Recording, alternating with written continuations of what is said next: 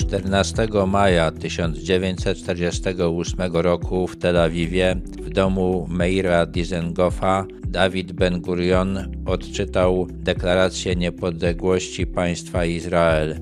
Powołano tymczasową Radę Państwa, będącą namiastką parlamentu i rząd tymczasowy. Na czele rządu stanął Ben Gurion. Obowiązki tymczasowej głowy państwa objął profesor Chaim Weizmann. Państwo Izrael powstało na terytorium brytyjskiego mandatu Palestyny istniejącego od 1922 roku. Napływ Żydów na ten teren powodował rosnącą wrogość Arabów. W listopadzie 1947 roku Organizacja Narodów Zjednoczonych podjęła uchwałę o podziale terytorium mandatowego Palestyny. Miało tam powstać państwo żydowskie obejmujące 56% powierzchni Palestyny i państwo arabskie obejmujące 42%. Jerozolima miała być umiędzynarodowiona. Żydzi przyjęli ten plan, natomiast Arabowie